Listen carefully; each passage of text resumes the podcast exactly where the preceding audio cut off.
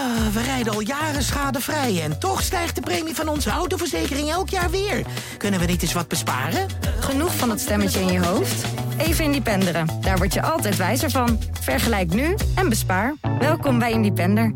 hey, jij! hey, jij! Dat is lang geleden. Wij met z'n tweetjes alleen. Dat, eh, even kijken of we het nog kunnen. Ja, en of de luisteraar pikt. Want we hebben er natuurlijk een derde Movie Insider bij gekregen met Jasper. Echt zo'n oase van rust hoor ik eh, in alle positieve recensies over hem. En terecht positief. Maar eh, worden wij nog eh, geaccepteerd? Wij, ons, de- deze twee schreeuwlelijken. We zien het wel. We hebben een hoop te bespreken. Let's go. Hallo, ik ben Dick Maas. Ik ben de regisseur van Amsterdam, De Lift, Prooi, Sint, Vlodder. En je luistert nu naar de podcast van Movie Insiders.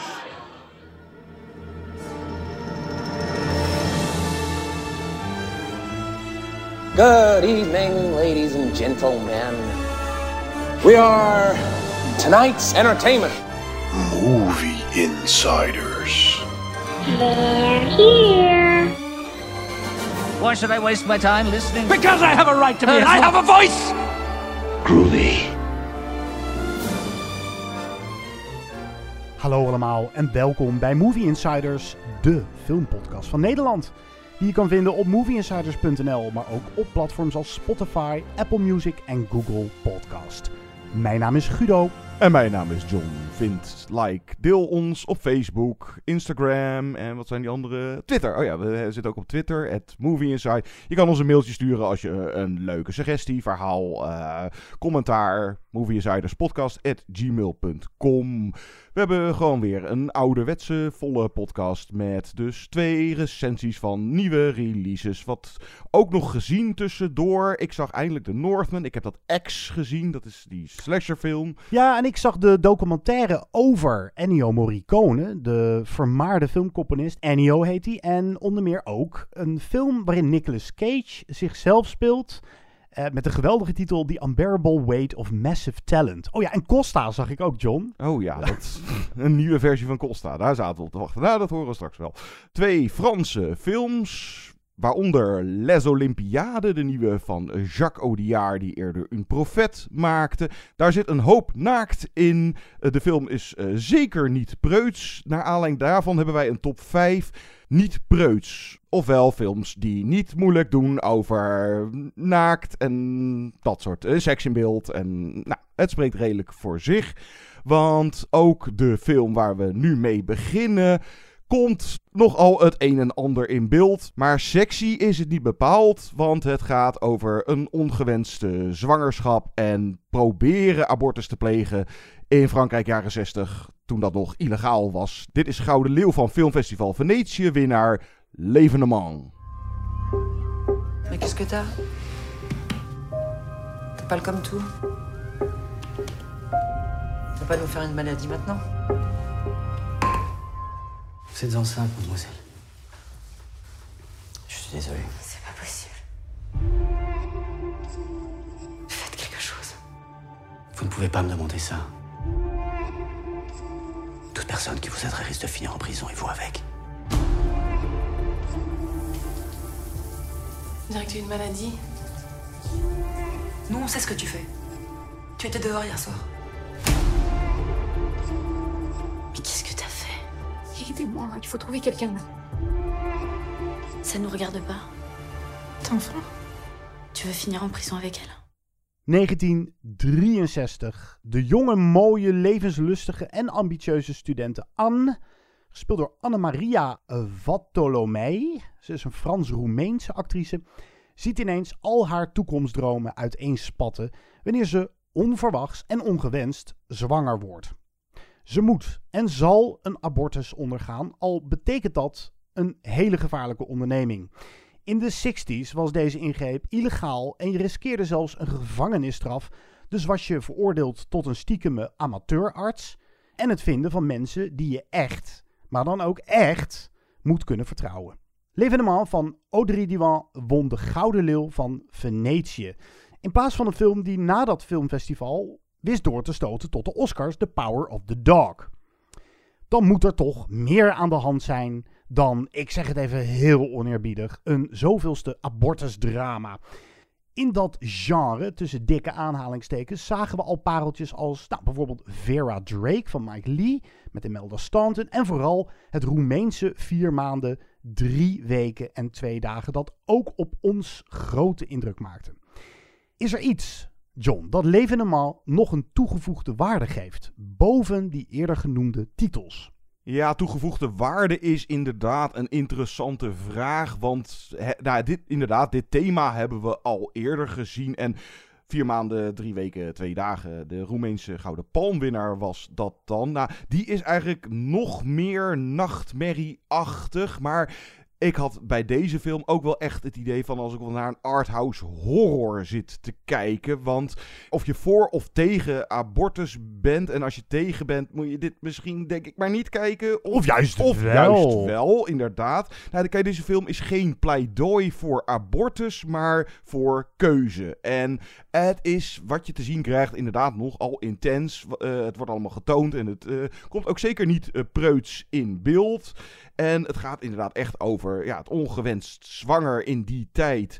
En er gewoon van af willen. Uh, en dan ook dat zij via. Nou, het is bijna, als je overdrijft, een soort van ondergronds netwerk. Via via kan je dan in contact komen. En inderdaad, die zoektocht van haar naar de oplossing. En nou, in dat opzicht is dat misschien net even anders uh, dan een vier maanden. De geniale zet daarvan was: de abortus wordt gepleegd en je blijft niet bij diegene waar dat gebeurd is, maar haar vriendin gaat. Het is eigenlijk verteld vanuit de vriendin. Die het weet. Die, het weet en die het. Nou ja. En dan had je, uh, wat is het, twee jaar terug, die Amerikaanse indie. Never, rarely, sometimes, always. En gaat ook een beetje. Heeft ook wat raar. Deze film vertelt het toch net even anders. Laat, laat ik het zo zeggen. En dat zou dan misschien de toegevoegde waarde zijn. Het is niet dat het iets heel erg nieuws vertelt. Wat we nog niet eerder in, zelfs ook geloof ik als andere Franse, hoe heet die van uh, Story of Women met Isabelle Huppert gaat ook over abortus in de tijd dat het niet, niet mocht en zo. En... Ja, ik heb er ook lang over nagedacht over deze vraag. En ik heb het ook gevraagd aan de regisseur, Audrey Diwan, die ik mocht interviewen voor het AD. Hele interessante en intelligente vrouw. En ik, je haalt het er inderdaad wel uit als je iets meer tussen de regels door kijkt.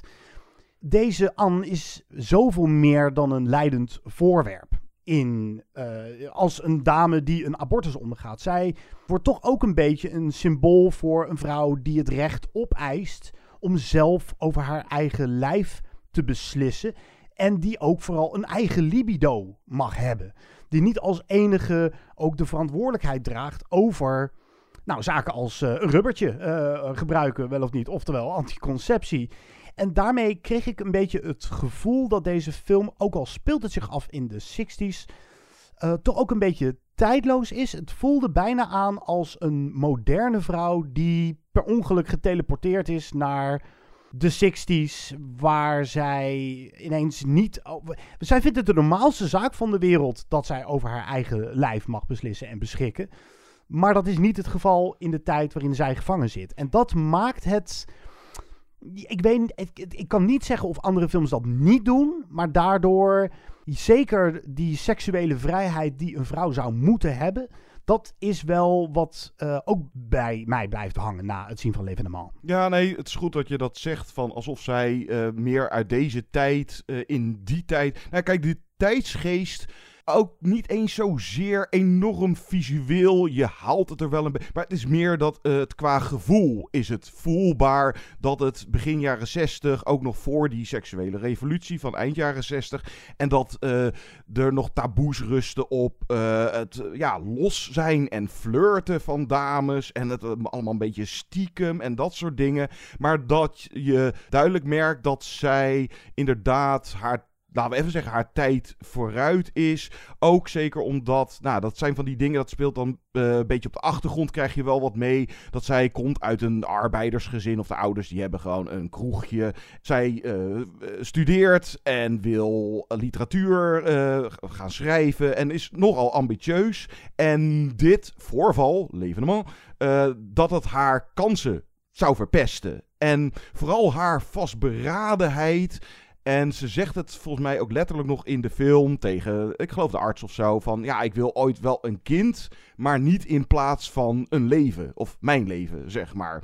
En ja, dat ze vooral zoiets heeft van, ik, eh, ja, ik, ik ben nog jong, ik eh, ben ambitieus, eh, ik wil wat van mijn leven maken. En ik wil niet zoals nou, de moeder waarschijnlijk of heel veel meisjes van haar leeftijd in die tijd achter het aanrecht belanden.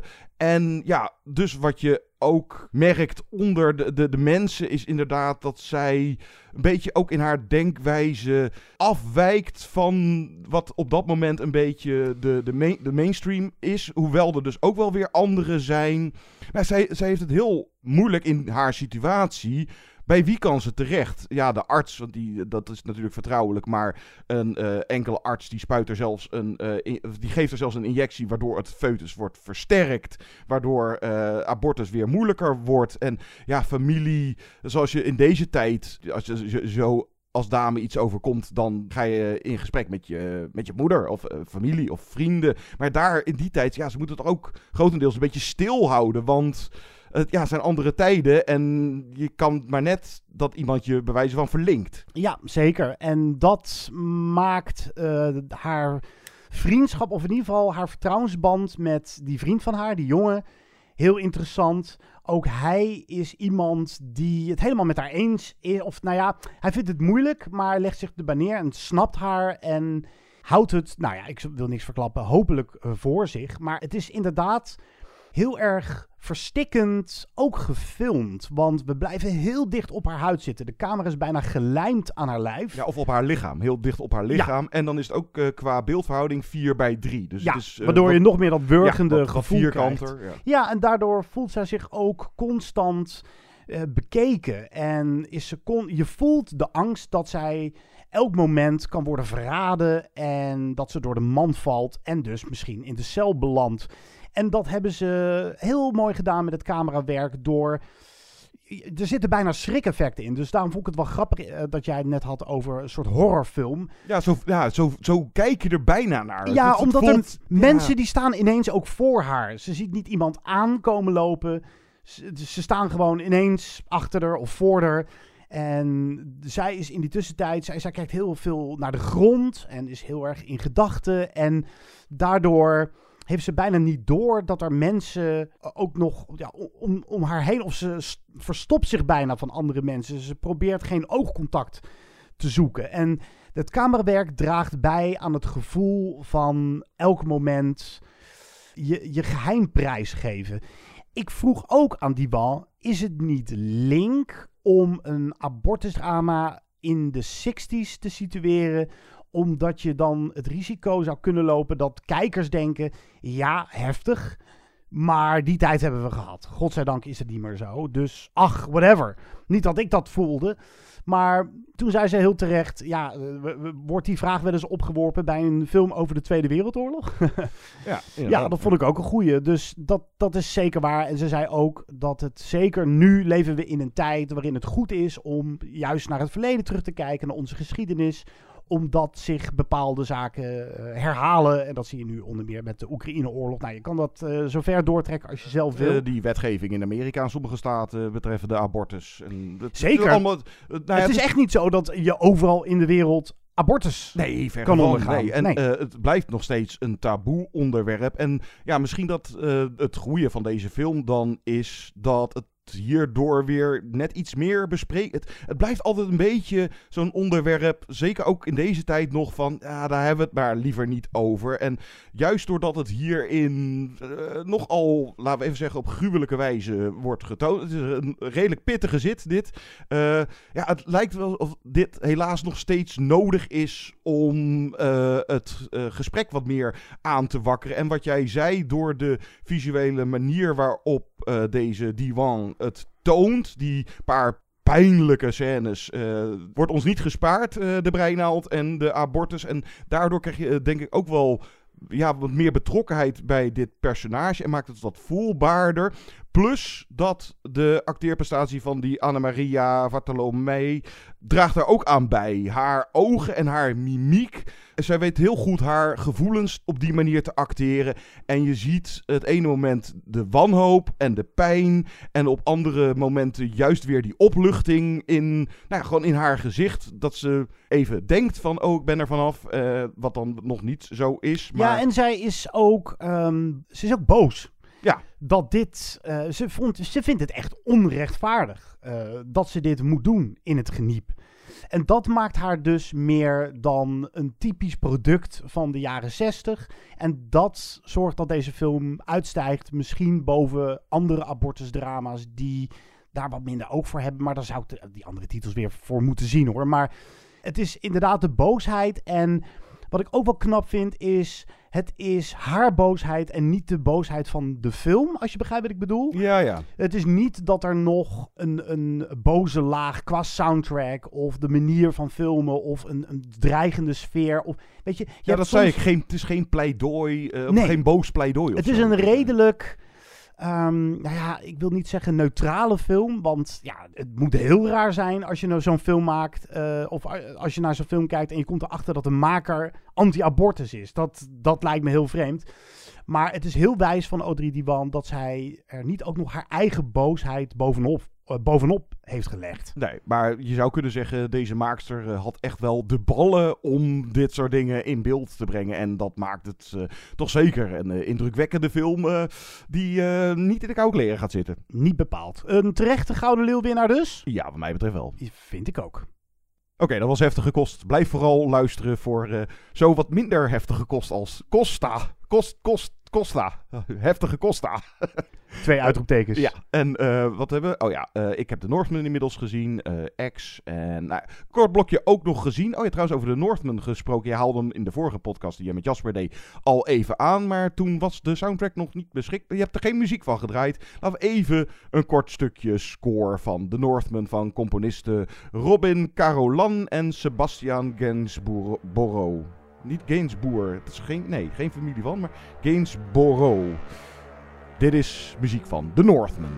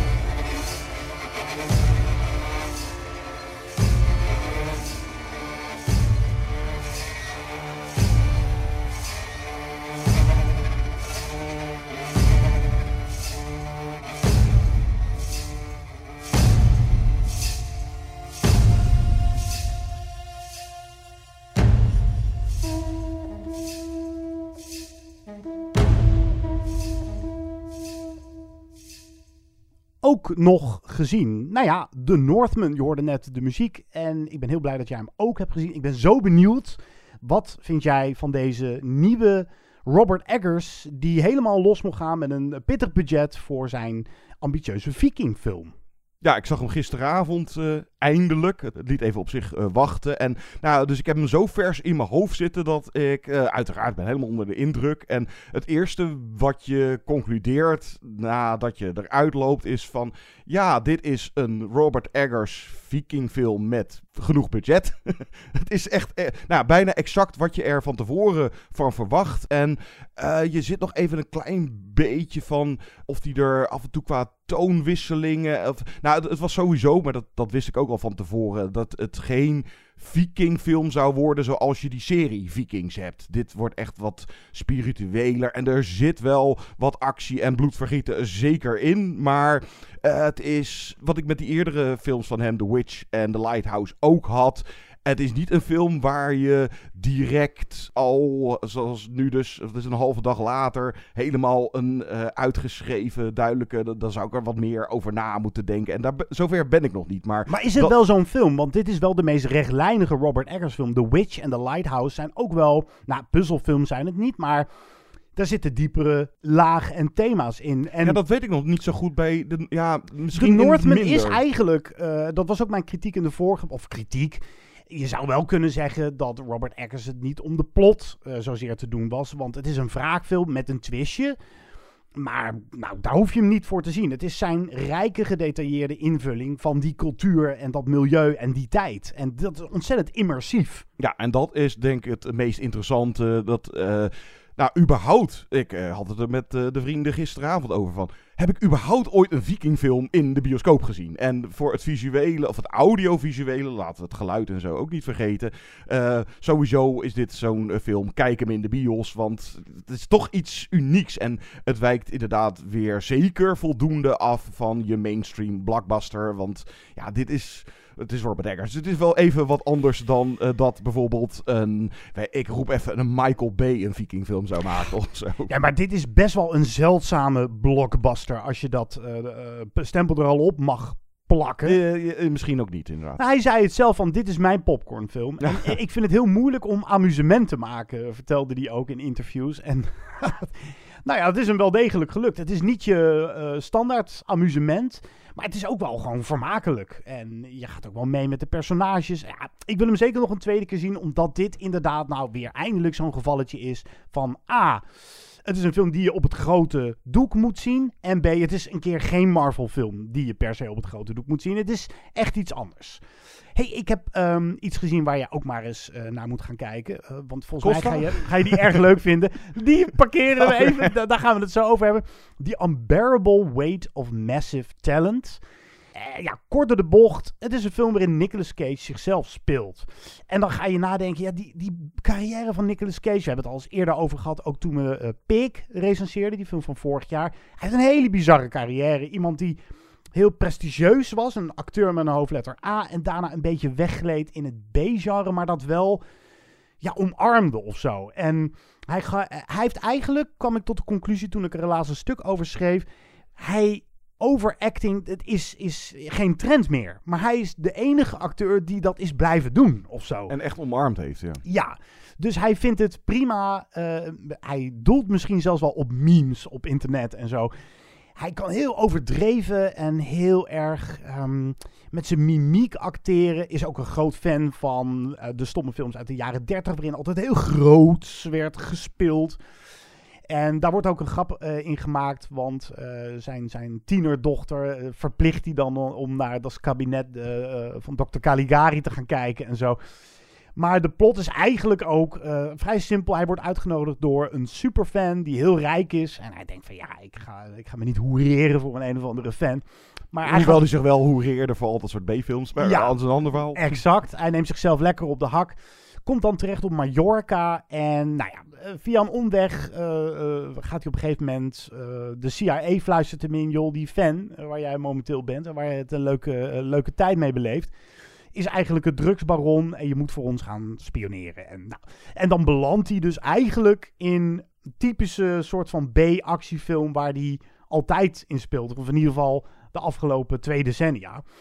Met genoeg knipogen naar Nicolas Cage. Uh, weirde carrière. Eh, die fan wordt gespeeld door Pedro Pascal. Die heeft ook een bunker met allemaal uh, ja, memorabilia. Ja. Waaronder die gouden pistolen uit Vezelhof. Waar hij dan op de een of andere manier de hand op heeft weten te leggen. Ik kan hem wat slimmer willen zien. Een, een film die iets, um, ja, iets meer met verrassingen strooit. Maar het is een beetje precies wat je ervan verwacht. Maar het is wel, ja, ik heb er wel met een hele grote grijns op mijn smoel naar zitten kijken. Dus zet hem een keer aan. Een soort van de ultieme Nicolas Cage film. Ja, het is eigenlijk het vieren van Nicolas Cage als cultheld. Thank you. Can you just stop stalling and answer the question? What is your third favorite movie of all time? Paddington 2. What? Cabinet of Dr. Caligari, Paddington 2. Connect those dots. I mean, I don't want to be a snob, but. I cried through the entire thing. and made me want to be a better man. Bullshit, Mom!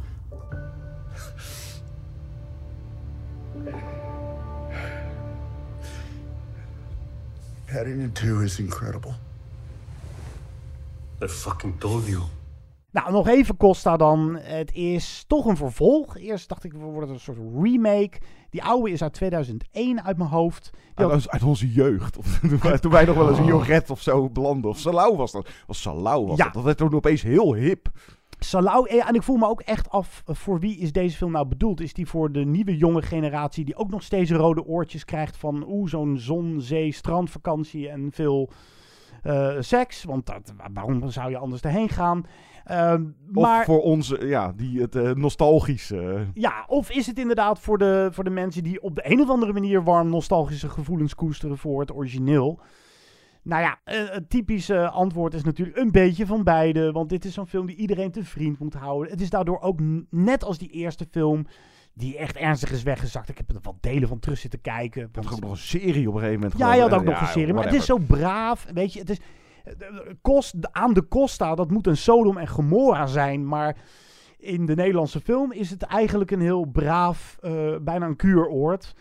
Uh, waarin uh, het, het schunnige of het stoute, dat zit er meer in de tekst. Weet je, er wordt nog eens een grapje over voorvocht gemaakt of zo. Maar echt brutaal wordt het natuurlijk nooit. Want het is een ouderwets, schabloonmatige romcom met Abby Hoes die dan naar de club van haar vader gaat. En die club, die, nou ja, dat is heel aftans. En dan gaan ze meedoen aan een Battle of the Bars. En zij wordt dan verliefd op een van de medewerkers van die bar. Die wordt gespeeld door Zoe Kroon. Nou ja, dat is best een leuke verschijning. Net als Abby Hoes ook een leuke verschijning is en best wel kan acteren. Dus we zijn er qua acteerwerk op vooruit gegaan. Maar qua formule niet bepaald. Dan zijn we eigenlijk ernstig blijven steken. Eigenlijk vond ik Katja Schuurman het beste werken. Want zij gaat dan tegen Heugen Meug uh, met een vriendin van haar. Ook een moeder. Uh, de Abby Hoes en, en een andere jonge meid. Dat zijn dan hun dochters. Die reizen ze achterna. En Katja Schuurman die, ja, die, die dan met gemengde gevoelens terugkijkt op haar tijd aan de, als propper aan de Spaanse kust. Uh, die weemoed en die je ook zou kunnen doortrekken misschien naar de carrière van Schuurman zelf. Die doorbrak in de eerste Costa en inmiddels ook tot het film-establishment behoort.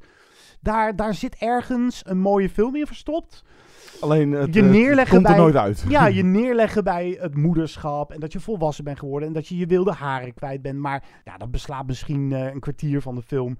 Hij focust precies op datgene wat niet interessant is. En dat is bijna knap. Jij zal nog uh, X, even een stukje trailer laten horen. My wife is not well. It happens after dark.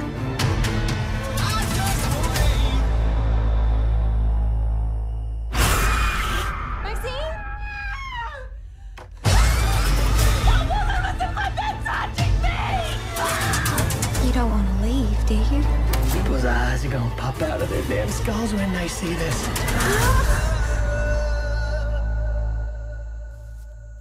Ja, goed voorbeeld van zo'n, nou, zeggen gewoon even een, een horror, een genrefilm waarvan je in eerste instantie uh, ook aan de hand van de trailer denkt van, ach ja, dan heb je er weer zo eentje. Maar dan word je aangenaam verrast dat dit er eentje is die kwalitatief uh, echt boven het maaiveld uitsteekt. Ex van regisseur Ty West.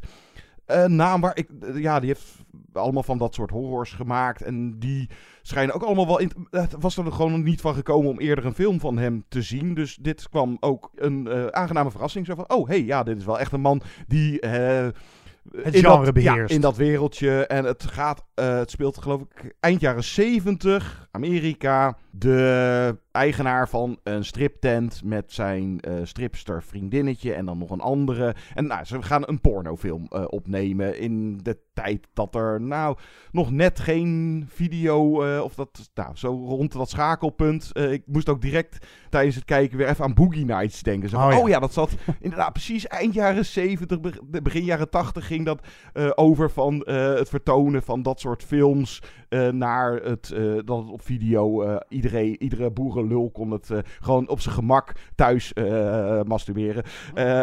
Maar... Nou, en dan he- heeft hij ook zo'n student van de filmacademie die er dan een hele verantwoorde academische, ik ga er een, kunstfilm van. Nou, dat is op zich een van de weinige dingen qua. hij is redelijk serieus wel. Je hebt die Mia Goth, die ehm, speelt de hoofdrol. En nou, in hoeverre is dit een nou, spoiler? Kijk uit, ik heb hem ook nog niet gezien. Nee, nou, ook, nou, nou, ja, het, het is ook wel, als je kijkt naar de credits, staat er ook slash.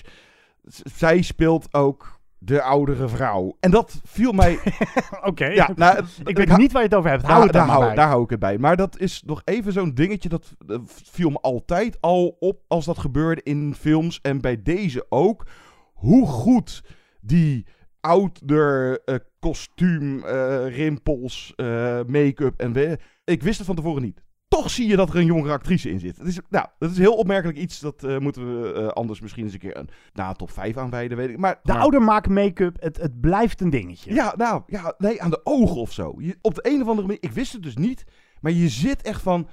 Hier klopt iets Wacht niet. even, dit is, dit, is niet een, dit is geen echte oude vrouw. Maar oké, Eh, ze gaan een pornofilm opnemen in Texas op een boerderij. En het verandert in een, eh, nou laat ik even gewoon zeggen, een eh, ouderwets strakke slasher. Gewoon goed gemaakt, speels en verf- nou, verfrissend genoeg. Het is, het is niet dat de film echt iets heel baanbrekends doet binnen het slasher genre. Maar eindelijk weer eens een keertje eentje dat je denkt van, ja... Dat is een lekkere slasher. Het eh, gaat op een gegeven moment eh, goed heftig aan toe. En er zit wel iets in het verhaal wat het net even een beetje anders maakt dan je 13 in dozijn Friday the 13th. Der- 13, 13. In, ja, de- ja. Horrorfilm. Ja. ik snap wat je bedoelt. Nou, ik wil deze graag zien, want hij wordt... Nou ja, de hemel ingeprezen, dat is eh, misschien stevig uitgedrukt, maar hij krijgt hele positieve Ja, nee, recensies dat, en eh, reacties. en- en terecht, ja. Ja, gaaf. Nou, heel kort nog eventjes Ennio, omdat dat eh, voor de fans van Ennio Morricone, de bekende filmcomponist die onder meer... Nou, jeetje, hij heeft iets van 500 soundtracks gemaakt. 500 soundtracks! Waaronder Once Upon a Time in the West en Cinema Paradiso, een van jouw favorieten. Hij won ook nog een Oscar voor The Hateful Eight, die Tarantino-film.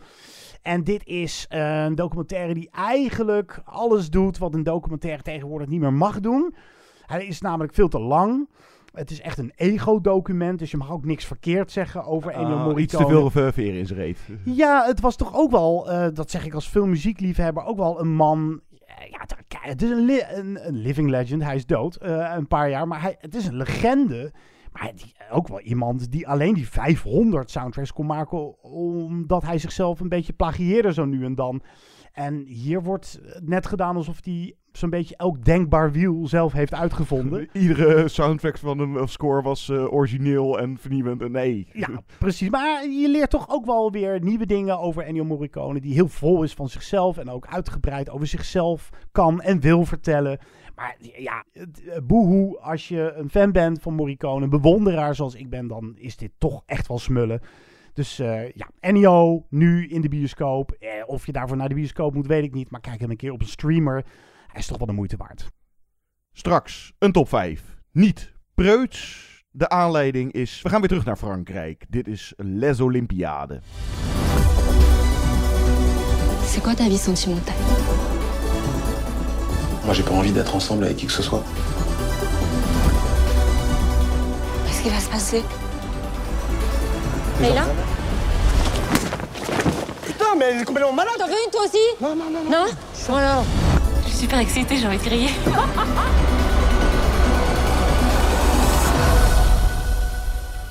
Les Olympiades, een wijk in het 13e arrondissement van Parijs met van die blokken flats. Vormt het decor voor vier millennials die op zoek zijn naar houvast in hun leven. Emilie, indrukwekkend debuut van Lucie Zang, ontmoet Camille als ze op zoek is naar een nieuwe huisgenoot. En ze hebben een kortstondige seksrelatie. Hij leert de meer ingehouden Nora kennen. En die wordt aangezien voor webcam girl Amber Sweet, waar zij een innige band mee opbouwt.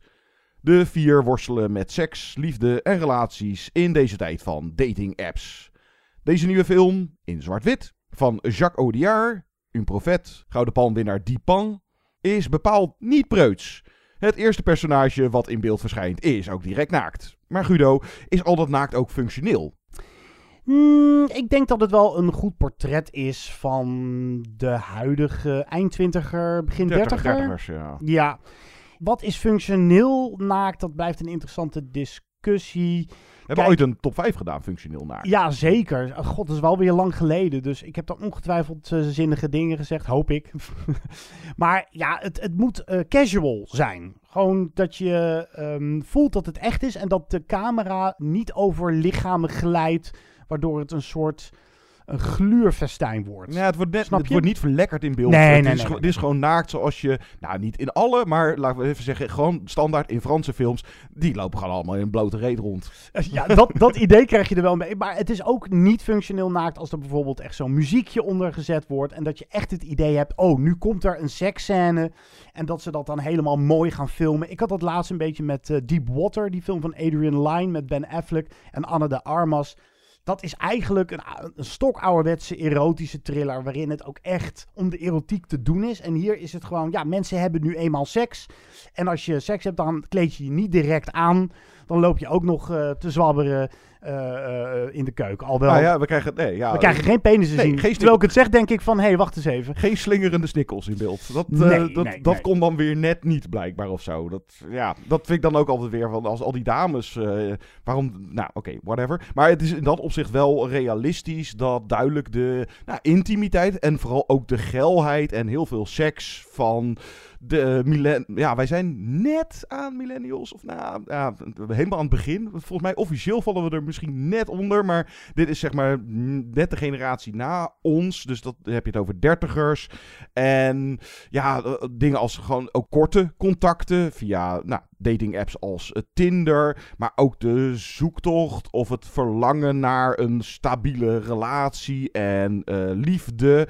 En dan op een niet, eh, ge- ja, geen moralistische, maar echt op een eerlijke en openhartige blik wordt deze generatie eh, in beeld gebracht. En het hedendaagse, de tijdsgeest wordt in dat opzicht goed gevangen. En ook ja, onzekerheden waar ze mee zitten, misschien qua werk of dan slash financieel. En bepaalde verwachtingen die je hebt, eh, ook qua relatie. En eh, daar een beetje naar op zoek zijn. En dan is het ook nog hedendaags, doordat, nou ja, mijn Frans is, eh, ik heb het uit de school gehad, maar niet dusdanig dat ik het Frans echt kon eh, volgen. Maar ook in de vertaling, in de ondertitels kreeg je wel mee dat het taalgebruik ook echt wel eh, van deze tijd is. En het is dan gebaseerd op drie graphic novels van een Amerikaan. En Celine Sciamma heeft meegeschreven aan het script. Dat is de regisseuse van Portrait de la jeune fille en feu. Fantastisch. Actrice Noémie Merlan heeft ze uit die film. Ja, die zit ook in deze film, laten we het even zo zeggen. En dan merk je inderdaad wel een beetje dat de toevoeging van Skiyama zorgt voor een beetje female touch in de film. Dat, dat, het is geen male gaze film of zo. Nee. Het, het, het naakt wat erin zit is inderdaad functioneel en het hoort er gewoon bij. En eh, dan is de, laten we even zeggen, de vertelstructuur, deze personages, doordat het dus ook drie korte verhalen, nou ze kruisen elkaar en het perspectief wisselt. En dat werkt als structuur niet altijd, maar het zorgt wel weer door dat er genoeg variatie in zit en het kijkt gewoon lekker weg. Ja. Nou ja, het is ook wel echt een film van nu. Niet alleen vanwege de portrettering van deze generatie en hoe hun dagelijkse leven eruit ziet. En die instabiliteit toch ook wel. Ehm, daar wil ik zo nog wat over zeggen. Maar wat het ook van deze tijd maakt is bijvoorbeeld... Dat, valt dan direct op tegenwoordig, omdat je dat ook niet zo heel veel in films ziet. Er wordt geflirt met Nora door die Camille, want dat is een man. Er wordt het begin nog een grapje over gemaakt. Het is toch een vrouwennaam? Nee, hij, hij heet Camille. En hij eh, doet wel even aan een male gaze. Hij begluurt er echt zo van... Goh, misschien zou jij mijn uh, volgende seksmaatje uh, kunnen zijn. En zij maakt daar direct korte metten mee... Om uiteindelijk, om uiteindelijk wel met hem in, maar vooruit. Ze zegt ook direct van, joh, even heel duidelijk. Ik, jij bent nu mijn collega, want ze gaan samenwerken in een, nou, een soort makelaarskantoor. En dan zegt zij, uh, ik wil niet dat je dat doet. Uh, het afgelopen. En even heel duidelijk zeggen waar het op staat, is toch ook wel een dingetje. En er zit een beetje een MeToo-dingetje in de film of in het script verborgen. ja. Van, of het wordt erin bijgehaald. Maar wat, wat het een, een film van nu maakt vooral is, en dat zag ik ook al terug in die geweldige en veel betere Noorse film The Worst Person in the World. Dat is dat het gaat over dertigers die bang zijn om keuzes te maken in een prestatiegerichte maatschappij. Dus wel voelen dat ze van alles moeten doen en zich eigenlijk moeten settelen. En huisje, boompje, beestje, kindje. Maar daar ja, ook bang zijn om hun vrijheid te verliezen. Ik heb dat ook altijd als ik. Weet niet of jij wel eens naar first dates kijkt. Maar het valt Nee. me ook bij first dates ook altijd op dat bijna iedereen die zo rond de 30 is. Die eh, spreekt hardop uit tegen de persoon die ze daten. Van ja, ik wil niet. eh, ik vind het leuk om iemand te hebben. Maar ik wil niet mijn vrijheid kwijtraken hoor. Ja. Dat vind ik altijd zo typisch iets voor millennials. Ik wil niet generaliserend Mm. zijn. Dat doe ik nu toch. Maar daar gaat deze film ook Deels, over. ja. Het- Deels. Het is verder ook een beetje weer zo'n stadssymfonie. Met vier verschillende mensen die eh, raakvlakken met elkaar hebben, elkaars pad kruisen. En allemaal mensen die ook wel gewoon hunkeren naar aandacht en naar intimiteit. En dat begint bijna een beetje een cliché te worden. Of je ziet veel van dat soort films waarin we ja, toch weer een beetje medelijden moeten hebben met, ach, die mensen die van die dolende zielen die Op zich zoek eigenlijk naar zichzelf op zoek naar ja. zichzelf en naar eh, een beetje houvast en eenzaam eigenlijk zijn, zoekend naar zingeving ook. Maar deze film, ja, ik heb, ik heb wel echt het gevoel dat ik een, een realistisch, authentiek portret heb gezien van deze vier mensen die symbool staan voor hun generatie. Maar het is ook wel, is de film of, of zijn hun verhalen bijzonder genoeg, vroeg Ja, ik me af. nou, dat misschien dan net Dus ik zat ook een beetje de rit uit, omdat je hunkert op een gegeven moment als kijker toch naar mm, ja, iets van een verrassing. Of dat de film even een scherp bocht durft te nemen. Nee, je volgt ze en het, het, het is niet dat hun lot mij zo aangreep dat ik eh, Dat je er echt heel erg in mee helemaal ging. in opging of zo. Nou, ook weer niet. nee, niet. he- Nou, ik ging er wel in mee, maar dat komt ook deels gewoon door de fijne acteerprestaties. Plus dat dit gewoon, eh, laten we even zeggen, goed uitgewerkte karakters zijn en hun sores. En ook, nou ja, misschien ook deels wel hun ontwikkeling. En dat ze erachter komen dat ze toch anders zijn dan dat ze denken dat ze zijn, bijvoorbeeld. En eh, een halve nou ja, ontdekkingsreis gaat misschien wat ver. Maar dan eh, is het ook nog zo dat de fijne, lichtvoetige toon wel bijdraagt aan een prettige kijkervaring. Ja, het is Hij geen zware kost Nee, en, hij is op sommige momenten echt best wel grappig. En hij is redelijk speels gemaakt met ook wat splitscreen erin. En prachtig zwart-wit. En dan heb je eh, dat moderne decor. Zo'n eh, wijk in Frankrijk met inderdaad allemaal van die eh, suffe flats. Plus dat het enorm multiculti is. Zonder dat het ooit maar geforceerd aanvoelt of zo. Die Emilie is nou, Chinees-Frans. En Camille is donker. Eh, ik- Van Afrikaanse, van Afrikaanse eh, ja. afkomst. Maar ja, dat het gewoon goed gemaakt is. En door het spel en het script. Dat je daardoor toch wel genoeg betrokkenheid hebt. En meeleeft met inderdaad eh, wat deze personages meemaken. En er zit eh, het, hoewel het allemaal net niet echt voldoende overkomt. Maar er zitten wel wat mooie contrasten in. Dat je de wilde, losbandige Emilie en Camille versus de nou, preuts, nou, nou, nou, vooral ingehouden Nora, die dan inderdaad wordt aangezien voor zo'n webcam, sexgirl, eh eh, omdat ze een eh, blonde pruik op had en daardoor werd ze nou, weggepest op haar college. En, nou, en die komt dan in contact met die Amber Sweet. En, Ja, zij nou, zoekt bewust zelf contact Ja. met haar op. Ja. en nou ja, mooie contrasten die je eruit zou kunnen filteren als de gelijkenis ze lijken qua uiterlijk enorm op elkaar. eh, versus juist het verschil qua insteek in het leven. En eh, ja, de een is een camgirl en de ander is gewoon een, een doorsnee normale Franse Ja, meid. ik had daar En- wel wat meer van willen zien, omdat die relatie tussen die twee, want zij hebben op een gegeven moment, eh, die webcam girl wil gewoon geld zien, want ja, dat is de manier waarop Nora contact met haar zoekt, van joh, je moet bijbetalen, dan kunnen wij blijven kletsen, maar op een gegeven moment is ze toch wel bereid om ook eh, buiten de betaalde cam om met haar te kletsen. Ja, en en de band die er daarin ja. ontstaat is wel heel mooi. Eh, Je zou je kunnen afvragen, zijn ze echt verliefd op elkaar aan het worden daar? Of hebben ze eindelijk in elkaar iemand gevonden met een of bepaalde, ja, ja, een soort zielsverwantheid of een soort oprechtheid, oprechte interesse ook in elkaar. Wat ik ook wel mooi vind, en dat is volgens mij ook typisch iets van deze generatie, en eh, daarom zit het denk ik ook in de film, dat is dat die Emilie, het, is typisch zo'n meisje die eh, zich brutaler en koketter en sexier wil voordoen dan ze misschien is. Ze is gewoon verliefd op Camille, punt. En dat is een soort van schande om dat tegenwoordig toe te geven, omdat je daarmee ook je vrijheid opgeeft. En je moet toch eigenlijk vooral eh, voor de buitenwereld laten zien dat je overal tussendoor fladdert of zo. En het, duurt, het kost haar heel veel moeite om, om gewoon toe te geven.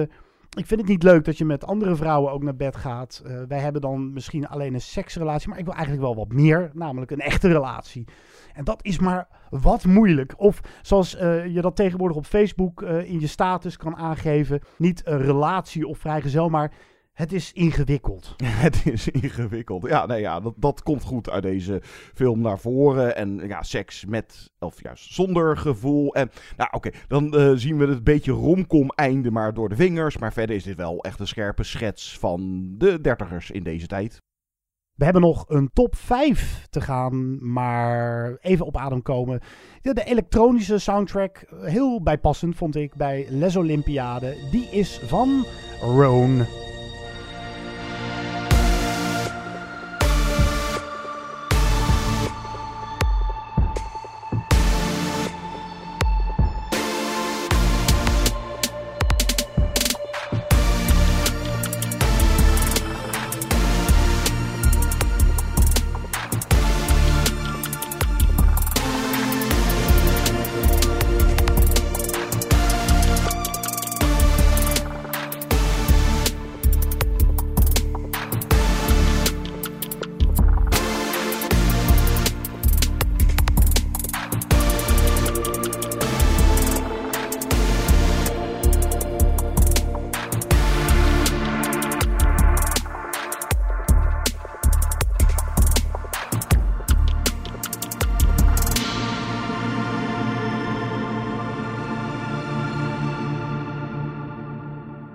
De top 5 niet preuts.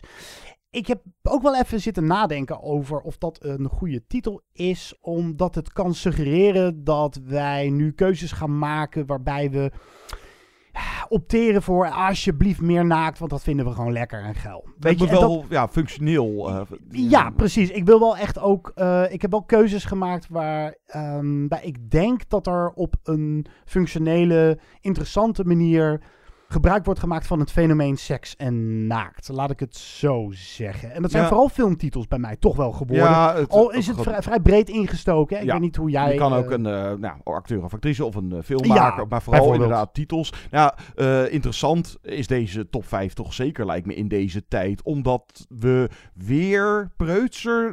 Nou, we zijn duidelijk preutser weer geworden in de loop der tijd. Maar je, dat zie je terug in de films, dat vooral in de mainstream, op zich in de arthouse... Nou ja, we zagen het met Levende Man en Les Olympiade, of uh, Franse cinema. Daar doen ze gewoon niet moeilijk, dat is gewoon allemaal naakt in beeld. Maar het is vooral dat me is opgevallen, laten we even zeggen, het afgelopen decennium, dat er minder, of niet meer zo, zozeer zomaar, of zeker in de mainstream, niet meer zomaar onnodig naakt. Ja. Zoals je dat in de jaren 80 en 90 vooral nog wel had. Van dat onfunctionele naakt. Dan was het van, oeh ja, die gaat een keer uit de kleren. Maar, maar, het is ook wel te verklaren, want je zou het preutsheid kunnen noemen. Je kan ook iets politiek correcter zeggen dat we gewoon voorzichtiger zijn geworden in Ja. deze post-MeToo-tijd. dat komt zo vast nog wel te sprake. ja, bij zeker. de- De, de male gaze hadden we het al over. Ik vind het zo'n rot woord, maar nou ja, de male gaze. Oftewel mannen die net iets te verlekkerd naar vrouwen kijken. En ook filmmakers die op die manier te werk gaan in het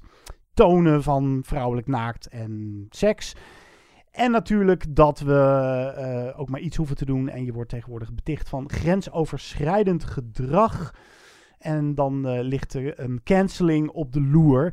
Vaak ook gewoon terecht. We zitten wel midden in een veranderende tijd waarin ja, het, het moraal. We, we, moeten we allemaal weer wat meer nadenken. En dat is heel goed over wat allemaal, wat wij misschien normaal dachten te vinden, maar wat de ander misschien helemaal niet normaal vindt. En dat we daar allemaal bewuster van worden, is, is, dat is, ja, is iets goeds. En dat zie je terug in de filmwereld. Ja, daar ja. Iets, Het- het- het we zijn, wordt- ze zijn wel aan het, eh, in de filmwereld aan het zoeken naar manieren om seks en naaktheid niet over te slaan. Maar er wordt nog gezocht naar hoe we dat dan het beste kunnen doen. Dus Ja. dat is, een, En dat is interessant. Wel of niet preuts. Dat, nou ja, oké. Eh, maar zo'n, eh, voor, ik begin even met mijn nummer 5. Dat is dan, gaan we dik 20 jaar terug in de tijd. En dat is een prachtig voorbeeld van functioneel en niet functioneel naakt.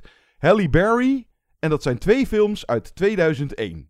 De een is die eh blockbuster, blockbuster die Swordfish. Dat was toen... Oh ja. zo van, eh, daar ging ze topless in. Waarom? Het dient verder helemaal ergens toe. Maar het was voor het eerst zo van, oh ja, Halle Berry. Nou, dat las ik dan eh, terug in Trivia. eh, dat Halle Berry die topless scène in Swordfish deed om de angst voor naaktscènes te overwinnen.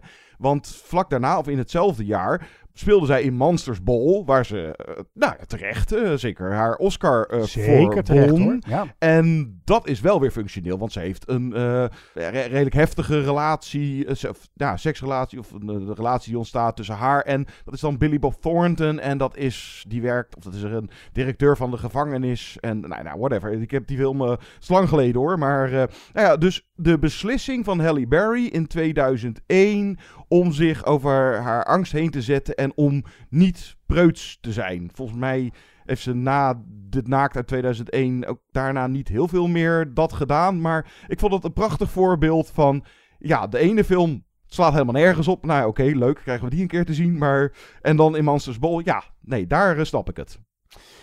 Ja, en dan ga ik eh, voor mijn nummer 5 naar de film Shame uit 2011 met Michael Fassbender van Steve McQueen. Die ook 12 Years Slave heeft gemaakt. Oscar-winnaar, Oscar-winnende film moet ik zeggen. Want hij heeft voor regie nooit een Oscar gewonnen. Ach, dat is allemaal weer feitjes. Wat doet het ertoe? Heel veel. Maar ja, wij vinden dat leuk. Ehm, we heten Movie Insiders, dus daar mag je een beetje mee strooien. Shame is mooi omdat het... Daar zien we overigens wel de penis van Michael Fassbender in beeld. Het is allemaal misschien ook een stiekem lokkertje in de media geweest om er naar te kijken. Om dan vervolgens te ontdekken dat Shame een hele ernstige, droevige film is over een seksverslaving. En de enorme leegte die daarachter schuil gaat. En de grap ook van Shame is dat als je eraan terugdenkt, denk ik niet aan de seksscènes, maar dan denk ik aan een moment dat hij zijn zus dan New York, New York hoort zingen in een club en niet ontroerd raakt. Iedereen eh, raakt ontroerd, is betoverd door haar stem en Michael Fassbender die een beetje voor zich uitstaart en, en, en dat zegt alles over zijn, nou, over zijn eenzaamheid en de blokkade die in zijn hele lijf en geest zit om echt te kunnen voelen. En dat maakt Shame een, een interessante film die veel met naakt strooit en veel seks heeft. Ja, maar dat, dat is inderdaad exact datgene wat je, nou ja, een klein beetje, maar niet bijblijft van die film, is vooral dat, dat lege gevoel. Dat, dat blijft hangen. Zeker, ja. En ook die, die, dat eeuwige dolen door de straten van New York, denk ik. Het zal wel. Eh, Michael Fassbender doet dat. Het is eigenlijk zo'n film waar niemand het eigenlijk meer over heeft. Ehm, het is ook een iets meer glossy geschoten Stephen McQueen film dan die andere titels die ik eh, net noemde. Waaronder 12 Years a Slave en eh, Hunger bijvoorbeeld. Die is veel rauwer. Maar het past hier wel omdat ik bijna het gevoel heb dat de vorm een soort van masker is voor wat de film eigenlijk echt wil doen. Dat is heel interessant. En dan kan ik op één hoop eh, daar misschien bij gooien. Scarlett Johansson in die film Under the Skin. Waarin je, Waarin ook bijna bewust gekozen lijkt voor een van de mooiste actrices van dit moment. Om het vervolgens te hebben over andere zaken. Over, eh, dat, nou, eh, over de letterlijke en figuurlijke alien die zij misschien ook is als celebrity. Interessante kost. Je hoeft seks echt niet alleen maar te tackelen als iets wat we nu eenmaal allemaal hebben. Maar het, het, eh, het, het kan ook een andere discussie teweeg brengen. En dat doet onder meer Shame op een hele interessante, intelligente manier. Ja, zeker. Dus de, de film is, het gaat over een uh, seksverslaafde. Het is zeker niet preuts, maar het wordt weer, ja, het wordt zeker niet verlekkerd of zo. Uh, dus Nee. het is, ja, functioneel naakt. Mijn nummer vier, ja, uit sommige landen, of nou, de cultuur, dat speelt allicht vaak mee natuurlijk. Ik geloof niet dat films uit islamitische landen, daar, zit geen, geen naakt in. Maar vaak, is, dat hebben we althans denk ik altijd wel een beetje gehad van als je het dan hebt over ja, welk land is echt preuts op het gebied van dan roep je India.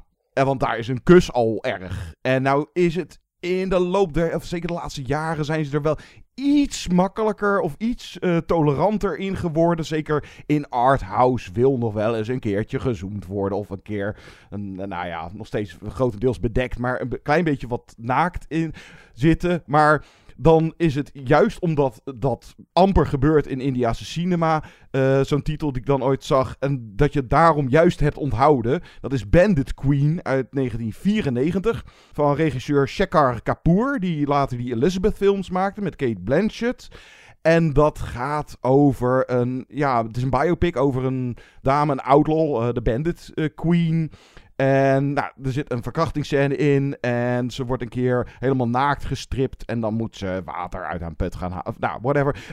Voor onze begrippen is het naakt eh, helemaal niks schokkends. Of eh, wat dan ook. En denk je van, nou ja, dat, dat, zie je in een gemiddelde westerse productie. Zie je dat wel tien keer erger. Maar voor Indiase begrippen. Met dus als resultaat de film werd verboden. En ja, dan kan je het dus hebben over censuur in dat soort landen. Het verbieden van films omdat er. Nou, of het eruit knippen. Want eh, ja, als je dan eh, dus voor hun culturele begrippen niet eh, preuts bent, dan, ja, dan ben je stout. Dan, en zo zat er nog een andere film. Niet dat daar ook zo heel erg veel of spectaculair naakt in zit. Of maar heb je dat Samsara wel eens gezien? Oh ja, van ja. ergens. Nou, dat speelt dan in Tibet over een Tibetaanse monnik die dan niet voor, maar, maar, gewoon voor het normale leven gaat. En ja, er zit op een gegeven moment wat naakt en een standje in wat ik nog steeds ooit een keer in mijn leven wil proberen. Maar ja, oké, maar, ja, maar ook niet heel erg eh, uitbundig of wat dan ook. Maar ja, dat, dat soort landen, dan is het al heel wat als er eh, als een keertje niet preuts zijn.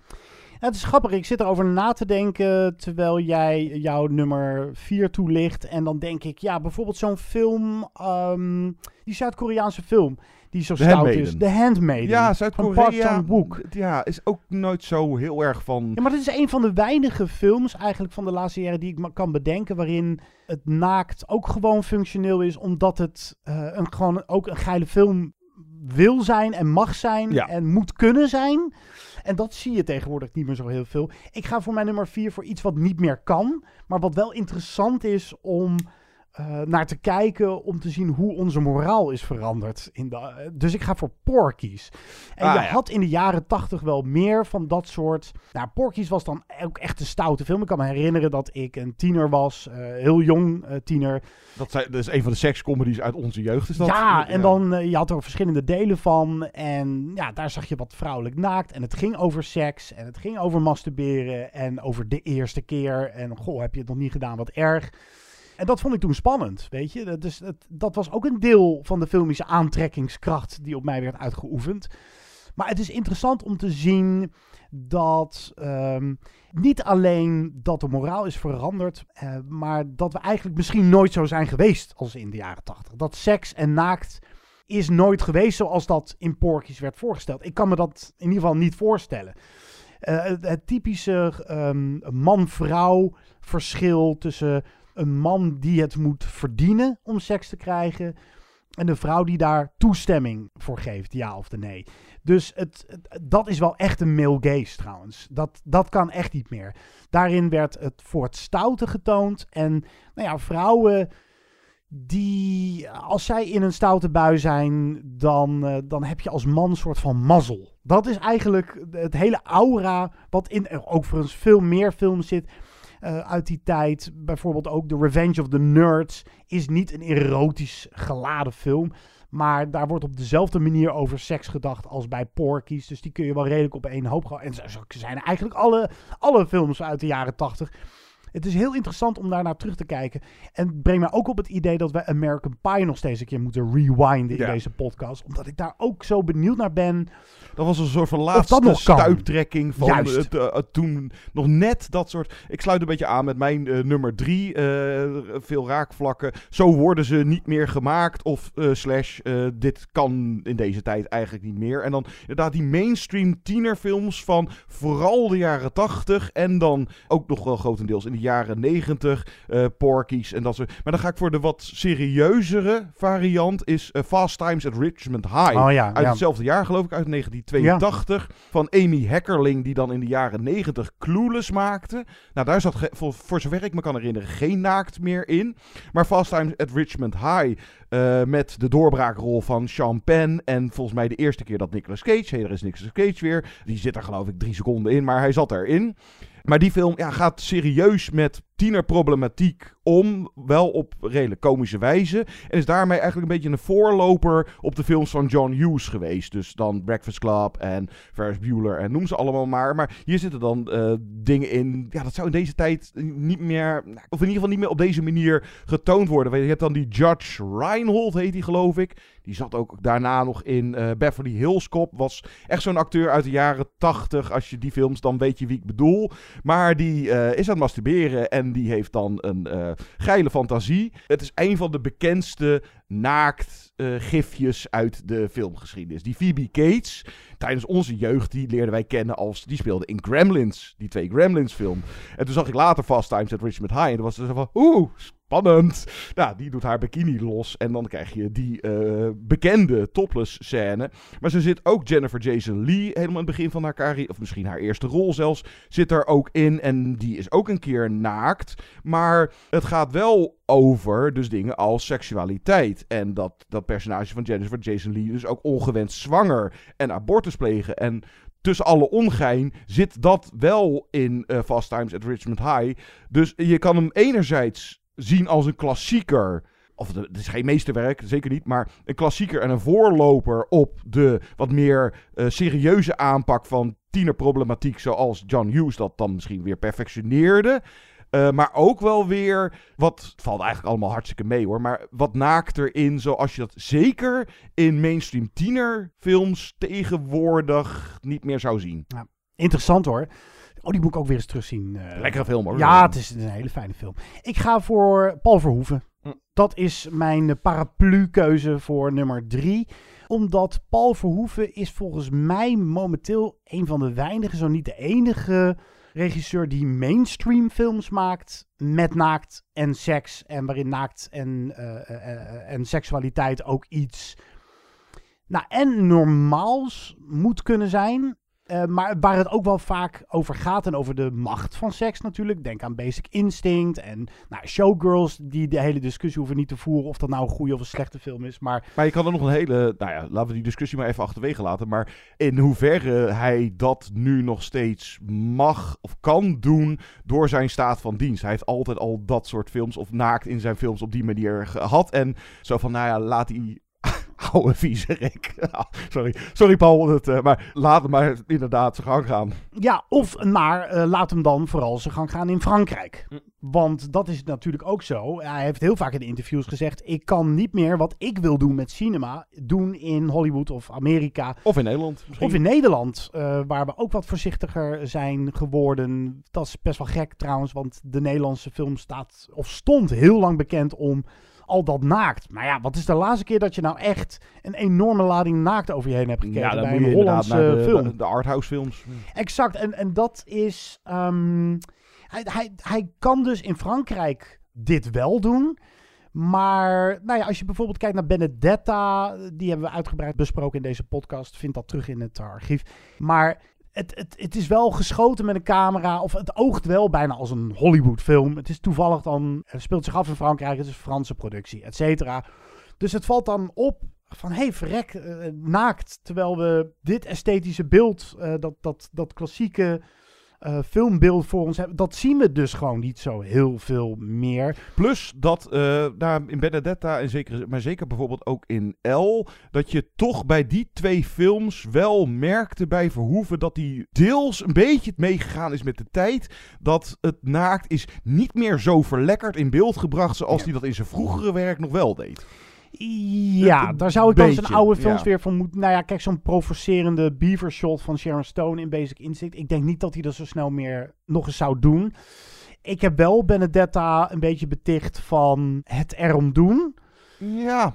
Maar dat ja, heeft hij altijd ja en nee. gedaan. En dat provocerende vind ik ook wel weer heel leuk en speels aan het werk van Paul Verhoeven die ja, eigenlijk natuurlijk ook wel een beetje gelijk heeft als hij zegt van joh, vroeger zaten we met z'n allen op het strand gewoon uh, naakt te wezen. En dat mis ik wel, mis ik wel. ja, dus het, ja, het, het interessant fenomeen. Wat, uh, wat gaat zijn volgende film worden? Het zal ongetwijfeld weer seks bevatten, want hoe meer er discussie over is, ook over zijn films. En vorig jaar in Cannes ging, had iedereen het over Benedetta. En goh, wat zien we ineens heel veel naakt. Ook nogmaals, omdat het een soort van mainstream film is. Terwijl je naakt eigenlijk tegenwoordig alleen nog maar ziet in van die groezelige, grofkorrelige arthouse films. Ja, dan is het, dan is het aardig om, om naar te kijken. Maar wat ik wil zeggen is dat Paul Verhoeven dan ook bijna wordt uitgedaagd door zo'n discussie om het de volgende keer weer te doen. En dan moet hij uitkijken dat hij zichzelf niet voorbij loopt of dat hij niet te veel aan het provoceren is. Want dan, ja, dan doe je het er echt om. Mijn nummer twee, dan heb je het over de vroegere, vroeger, in onze, in onze jeugd. Nou ja, toen had je dat uh, bekende actrices. Ik roep maar even Kate Winslet, Nicole Kidman, Angelina Jolie of een Sharon Stone. En toen ze wat ouder in de loop der jaren, op een gegeven moment uh, gingen ze mee met de tijd en deden ze dat niet meer. Maar ik kan me nog zo goed herinneren, vooral in de jaren negentig, dat je bijna nog tegen dat soort actrices zou zeggen van, ach, meidje kan ook een keer je kleren aanhouden. En dan uh, was de ene keer wel functioneel en de andere keer weer niet functioneel. Maar dat was gewoon, bekende actrices deden niet zo moeilijk. De, de, de, borsten van Hupse Flups waren altijd wel een keer in zo'n film te zien. Maar dat was gewoon een andere tijd. En volgens mij, daar is het, uh, vooral met de introductie van internet zo rond de eeuw en later social media. Is het gewoon heel logisch dat dat soort uh, bekende actrices dat niet zomaar ook meer doen? Want vroeger was het zo, als je er dan naakt wou zien, dan moest je speciaal uh, die film in de bioscoop of dan in de, Of in de huren, Of ja. wat, en tegenwoordig, nou, je hoeft maar uh, na- te googlen, uh, dingetje naakt. En Bob, je hebt gelijk, honderd afbeeldingen. Dus Ja, ik, sna- ik snap het wel fenomeen dat ze- van de sekstape, dat is nu echt, ja, dat wordt breed uitgemeten in de media.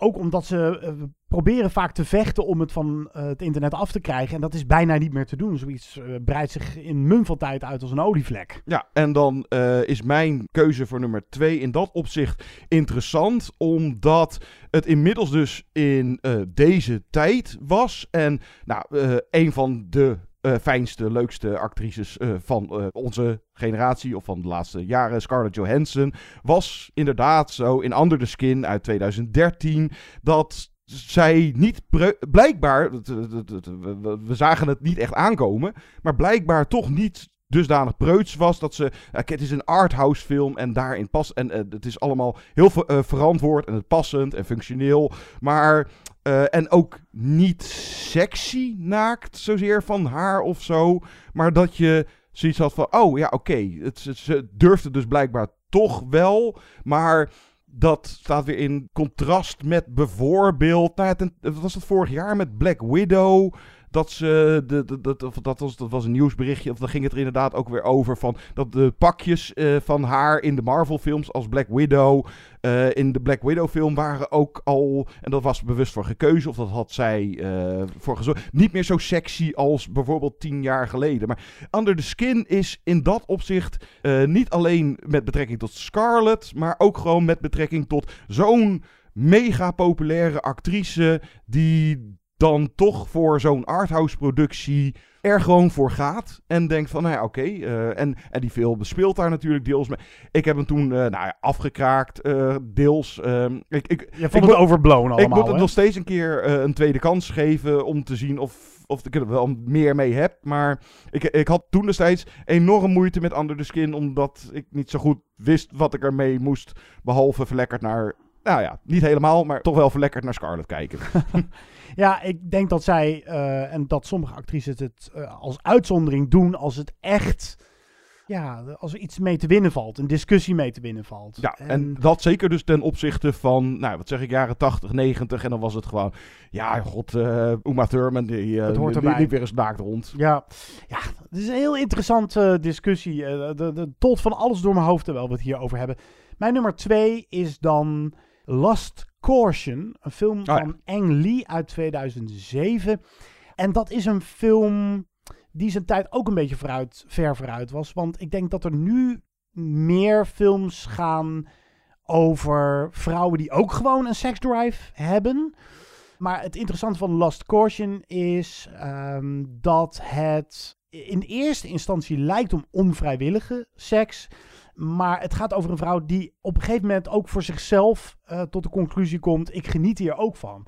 Zij, eh, zij de, de, hoofdrolspeelster, speelt dan een Chinese verzetstrijder die tijdens de Tweede Wereldoorlog een relatie aangaat, een seksuele relatie aangaat met eh collaborateur om zo de weg vrij te maken om hem te kunnen omleggen. Hij moet Ja, gespeeld door Tony Long. Gespeeld door Tony Long, een hele bekende Chinese acteur. Maar ja, het, heel veel eh, expliciet naakt en seks. Vrij ongebruikelijk, toch ook wel voor de Chinese cinema. Ja, de Chi- Chinese cinema dat is, eh, dat is redelijk interessant. Ze zijn bijvoorbeeld in de jaren 70, ook in die Shaw Brothers eh, martial arts films, waren ze weer heel makkelijk vaak. Gewoon eh, de dames gewoon naakt borsten en weet, weet ik. Ja. En ja, en dan heb je, dat was dan, Hong, je hebt Hongkong en Taiwan en natuurlijk mainland China. En dat, hoe dat allemaal qua verhoudingen zit. Maar op zich is naakt in Chinese film, het is, het is niet verboden of zo. Het, het mag wel, maar... Maar je ziet het gewoon niet zo Nee, heel het veel. is- Of wij zien toevallig die films niet. de- de- hoe dat qua cultuur zit, dat eh, nou, moet je er maar allemaal op nalezen. Maar dit is een hele interessante film omdat het over onvrijwillige seks eh, in eerste instantie gaat. En dat wordt dan vrijwillige seks. Haar ogen worden geopend van hé, hey, dit mag en ik mag hier ook van genieten. En die langzame ontwakening is heel fascinerend en toch ook gewaagd voor die tijd. Ehm, ik denk dat je tegenwoordig wat meer ziet ook.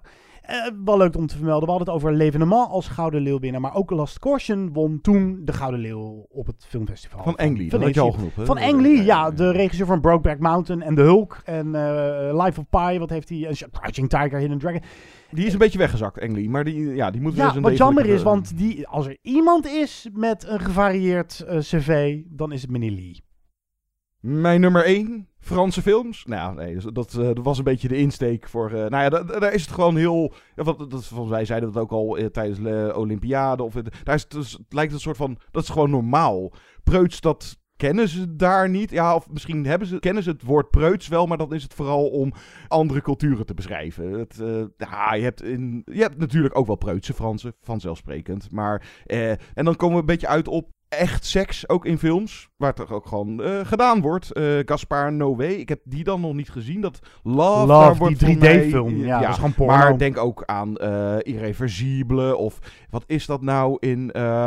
Enter the Void, dat we op een gegeven moment met de camera een vagina ingaan. En, en nou, dat, dat soort dingen. Maar ja, en dan is het echte seks. En dan vaak onder het eh, kopje. Ja, dit is artistiek. Maar ik heb het een beetje over dat soort filmmakers. Dat is vooral het dan provoceren, het erom doen. Paul Verhoeven is dan voor mij een eervolle vermelding. Laat ik even bij eh, Bad Boy Lars van Trier uitkomen. In Breaking the Waves in de jaren negentig met Emily Watson was dat ook al zo van. Daar ja, zat ook al gewoon heel erg niet preuts naakt in. Want dat ging inderdaad ook over dat zij dan eh, seks heeft met andere mannen. Omdat Stellan Skarsgård dan. eh, ja, fantasie het kon het niet, of- kan, ja. kan niet meer. En dan Ja. vertelt ze de fantasieën. En, en toen kreeg ik op een gegeven moment die.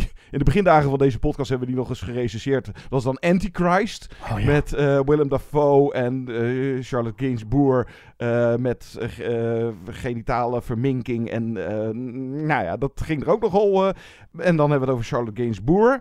En ik heb hem niet afgekeken. Ik heb alleen tot nu toe volume 1 van Nymphomaniac. eh, laat ik die maar even op één zetten. gezien. De director's cut is dat dan ook.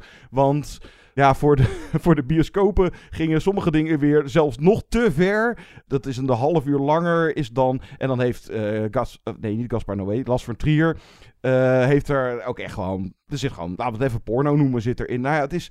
De acteurs hebben gesimuleerde seks. En dan zijn er door middel van CGI en digitale trucage zijn er dan echte porno, of, eh, pornoacteurs die hebben echte seks en penetratie. We krijgen het allemaal vol eh, in beeld te zien, maar dat zijn dan weer volgens mij niet de acteurs zelf. Dus ik zit echt zo van, als je op een gegeven moment de penis van Shia LaBeouf in Ja, maar beeld... die is volgens mij weer wel, Wel, echt. Want in de ja. voorbereiding van deze podcast kwam ik tegen dat Shia LaBeouf per se eh, zijn eigen dingdong... Ja, dat, was, dat las ik een leuke trivia van dat hij eh, moest volgens mij foto's van, eh, of dat had hij uit zichzelf gedaan, foto's van zijn geslachtsdeel naar Last van Trier opgestuurd van, ja, want ik wil graag in jouw, In jouw seksfilm in spelen. seksfilm eh, meedoen. Ja, die hoofdrolspeelster Stacey Martin, nou, die eh, ging er vol voor, laten we het zo zeggen. Ik, moeten we het nog een keer toezetten om dan volume 2. ja, dat moet je eigenlijk wel ja, doen. Want het- daar zit eh, het, het venijn zit Ja. hem in de staart. Ja, want het, het was tot nu toe nou, het, het, ja, moeite met. Ja, ik had wel moeite met. Niet, niet zozeer vanwege al dat of zo, maar het is nogal een bla bla bla. Vaak met allerlei. Er worden er visvergelijkingen bijgehaald. En, het, het, eh, en ik zat ook. eh, dacht van ja, moet ik hier nou om lachen? Is dit echt zwartgallige humor? En dan wordt het toch opeens weer heel serieus. Oh, dat wou ik trouwens nog heel kort even er tussendoor fietsen over dat Le Olympiade. Dat was eh, gelukkig eh, niet zo'n doorsnee Franse babbelfilm.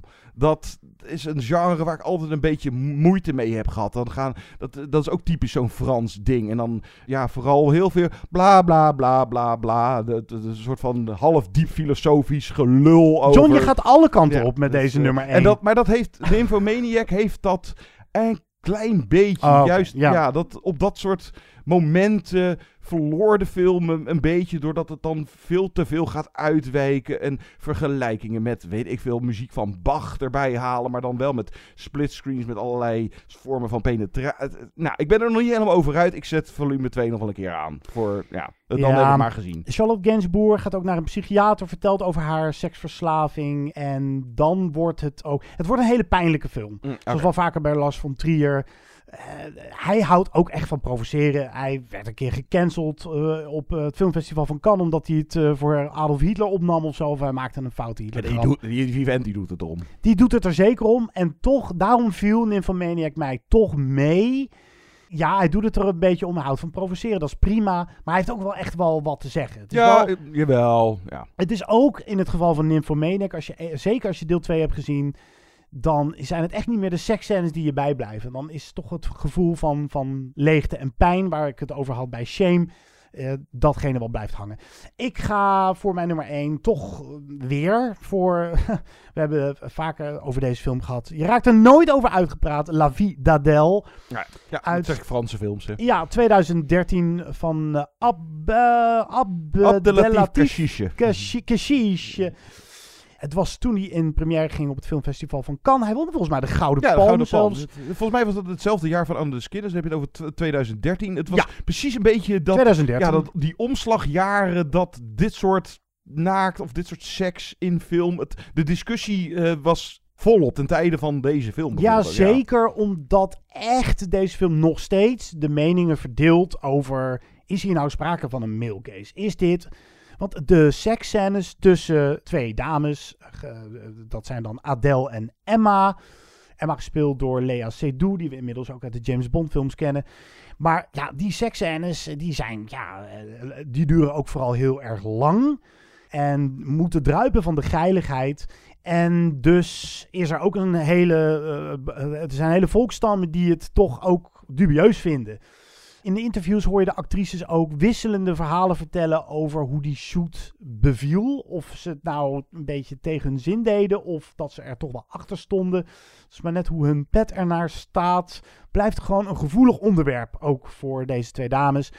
Zelfs En- ook voor ja, Franse cinema begrippen. Ik ben altijd een verdediger geweest van de seks in La Vida Del, omdat ik dacht, wauw, kijk, dit is... Zo gaat het eraan toe. Zo gaat Ja. het eraan toe. En het staat ook symbool voor gewoon de gretigheid op die leeftijd. Eh, gewoon alles tot je nemen wat je tot je kan nemen. Eh, de levenslust. Ergens vol voor durven gaan. Je, eh, je letterlijk en figuurlijk bloot durven te geven. Jezelf ontdekken. Het staat voor zoveel meer. Ook in de niet-seksscènes eh, is die gretigheid en gulzigheid eh, te vinden in het personage van Adele. Waardoor het volgens mij wel degelijk functioneel is. Ja, het is zeker functioneel. Ja. Maar niemand die het volgens mij nu nog zou durven. Of niet in dit moment. Misschien over een jaar of tien weer. Maar Ja, of, dan niet- juist, of dan juist een eh, vrouwelijke regisseur die dat... Ja, dat is ook je- interessant. ja, We hebben nu eh, alleen maar films zo- zo'n beetje van mannelijke Nee, regisseurs. eh Levende Man is van een... eh, da- eh, ja, dat is eh, waar, maar voor deze top 5 dan. Oké, ja. Nee, eh, Amy Heckerling is eh Fast Times. Oh Maar ja, bijvoorbeeld eh, de, de Gouden Palmwinnaar van vorig jaar, Titane, van eh, Julia Ducournau. Ja, dat was ook zo van, ja, daar doen we niet moeilijk over. Nee, maar dat is toch wel weer een heel ander soort Dat- film. Of dat nou echt over seksualiteit gaat. Nee, ja, maar ja, deels. ja, Ja, Hm. ja. Hele andere discussie is Mm. dat. Maar ik ga voor La Vida Del. Want dat is echt niet preuts. En dat heeft echt lef. En weet van zichzelf hoe dit gaat discussie opleveren. Maar we doen het toch. En ik vind het uiteindelijk echt een geweldige film. En echt een sneetje uit het leven van een jonge meid die zichzelf ontdekt. En ook binnen dat genre is het redelijk ongeëvenaard wat we sindsdien hebben gezien. Ehm, het- ja, La Vida Del, het, eh, nummer dat, 1. eh, eervolle vermelding, eh, zeker. Had jij nog wat... eh nou, je hebt ook van die...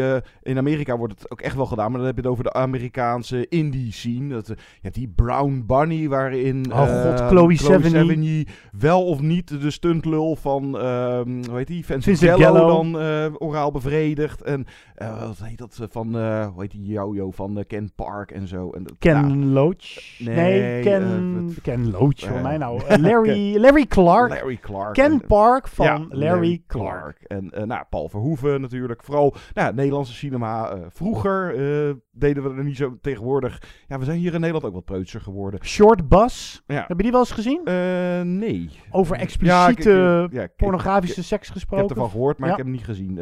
Japanse klassieker in the realm of the senses. En animatie, ja, net na de seksuele revolutie, begin jaren zeventig, eh, had je ook animatie Fritz the Cat. Oh dat, ja, dat is ook ja. gewoon alleen maar drugs en seks en, eh, en dan eh, geanimeerd. En als we het even over series, ik wil het gewoon even, even aanhalen, even series. Zeker nu HBO Max is momenteel happening. Het is er, het is beschikbaar hier in Nederland. Bijna iedereen die ik spreek heeft ook het abonnementje. Maar als je het hebt over series, waar echt bloedvergieten en naakt, het zit er altijd in. HBO. HBO-series, het eh, Game of Thrones. En nou ja, roep ze allemaal maar. Ja, daar eh, is nooit moeilijk over gedaan. Dat stond vroeger ook echt te boek als dat zij die series, omdat het geen eh, Amerikaanse normale tv-zender. Ja, het is niet op een kabelnetwerk Nee, het, te het, zien. het Ja. mocht. En dan doen we het ook. En niet zo'n klein beetje. Ja, sterker nog, daar hebben ze echt ze hebben bijna een soort merk mee opgebouwd op die manier. Als je echt series wil zien waar de rem er volledig af is, dan moet je bij HBO zijn.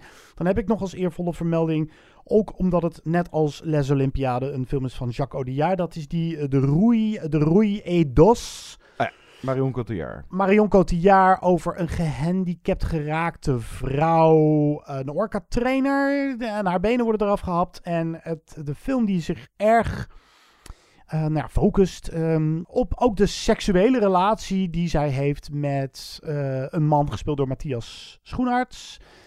En ja, seks als troost en jezelf opnieuw uitvinden. Dat is ook zo'n film die ik even genoemd wil hebben, omdat we die allemaal dreigen te vergeten. Die vond ik erg mooi. Hebben we ook ooit eh, besproken. Dus eh, ga naar nou, het archief. eh, op onze site is het wat lastig. Nou, daar, daar kan je wel het een en ander... Gaan we daar nog wat aan doen, John? Ja, we zijn ermee bezig. Het, het- ze zijn er eigenlijk al alle, in ieder geval de reguliere afleveringen, die zijn inmiddels, ja, hoe kan je nou het makkelijkst echt oude afleveringen van ons...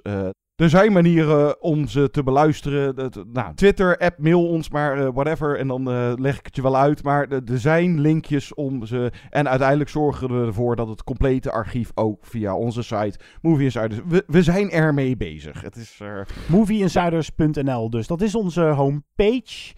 Vind deze podcast verder op Spotify en Apple Music. Google Podcast zijn we te vinden. Inderdaad, jij zei het al, we zijn op te vinden op Twitter, maar ook Facebook, Instagram zitten we tegenwoordig. En voor een wat langer verhaal, en misschien lezen we wel wat van jouw schrijfsel voor in de volgende show. Dat vinden we heel erg leuk. Laat vooral van je horen per e-mail. movieinsiderspodcast.gmail.com In de volgende aflevering zijn, zijn wij het weer. Ik, ja, ik geloof het wel. Ja. Ja. Jasper, die Jasper is druk met andere vakantie. zaken. En eh, Ja. nou ja, sowieso, eh, we zijn er weer. Het corona, corona, eh, andere ziektes, eh, mo- ja, moeilijk, eh, agenda's vol. En nou, hè, we zijn weer. we doen ons best om in ieder geval drie keer per maand een podcast voor jullie te presenteren. En als het nou, even lukt, misschien wel iedere week. even kijken. Ja, dus eerst volgende podcast. Ja, wat gaan we doen? Laten we iets van een, eh, sowieso een, iets van een klassieker. Of een eh, leuke rewind. Want als je teruggaat, 25 jaar terug in de tijd, dan kom je bij 1997 uit. En dan zijn er gewoon echt een handvol titels die we sowieso, denk ik, dit jaar eh, de revue laten passeren in rewind vorm. Titanic gaat nog een keer gebeuren. Dacht je van LA Confidential? Of misschien de eerstkomende podcast Men in Black. Als we het over Will Smith kunnen we het dan misschien nog even eh, over Leuk. hebben. En, eh, Ja, nou, zoiets. en laat van je horen welke film die eh 25 jaar oud is, willen jullie eh, besproken zien worden, horen worden. Je weet ons dus te vinden. Ja, en, laten ja, we een ja, ja, nieuwe, en nieuwe release. eh, nou, ik, ik denk hoogstwaarschijnlijk die Duitse Ich bin dein Mensch. Oh ja. Ja, over artificial intelligence eh, gesproken. Die konden jullie nog niet mee in de... Ja, in de After Ja. Yang podcast die we de vorige keer deden. Also, heb je die inmiddels al gezien? Nee, After. Yang? Nee, ah, dan moet je even, echt even ja, ga ik ook kijken. Tot zover deze podcast, deze Movie Insiders. We gaan eruit met muziek uit de film Mijn nummer 2, Last Caution. Die film van Ang Lee met echt prachtige muziek is dit. Een hele mooie soundtrack van Alexandre Desplat. Tot de volgende keer. Ja, tot de volgende podcast.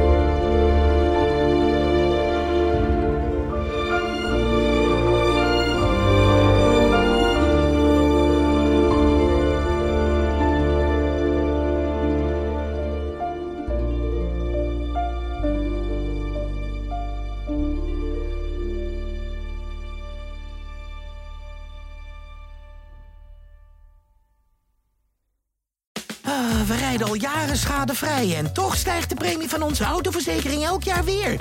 Kunnen we niet eens wat besparen? Genoeg van dat stemmetje in je hoofd? Even Independeren. Daar word je altijd wijzer van. Vergelijk nu en bespaar. Welkom bij Independer.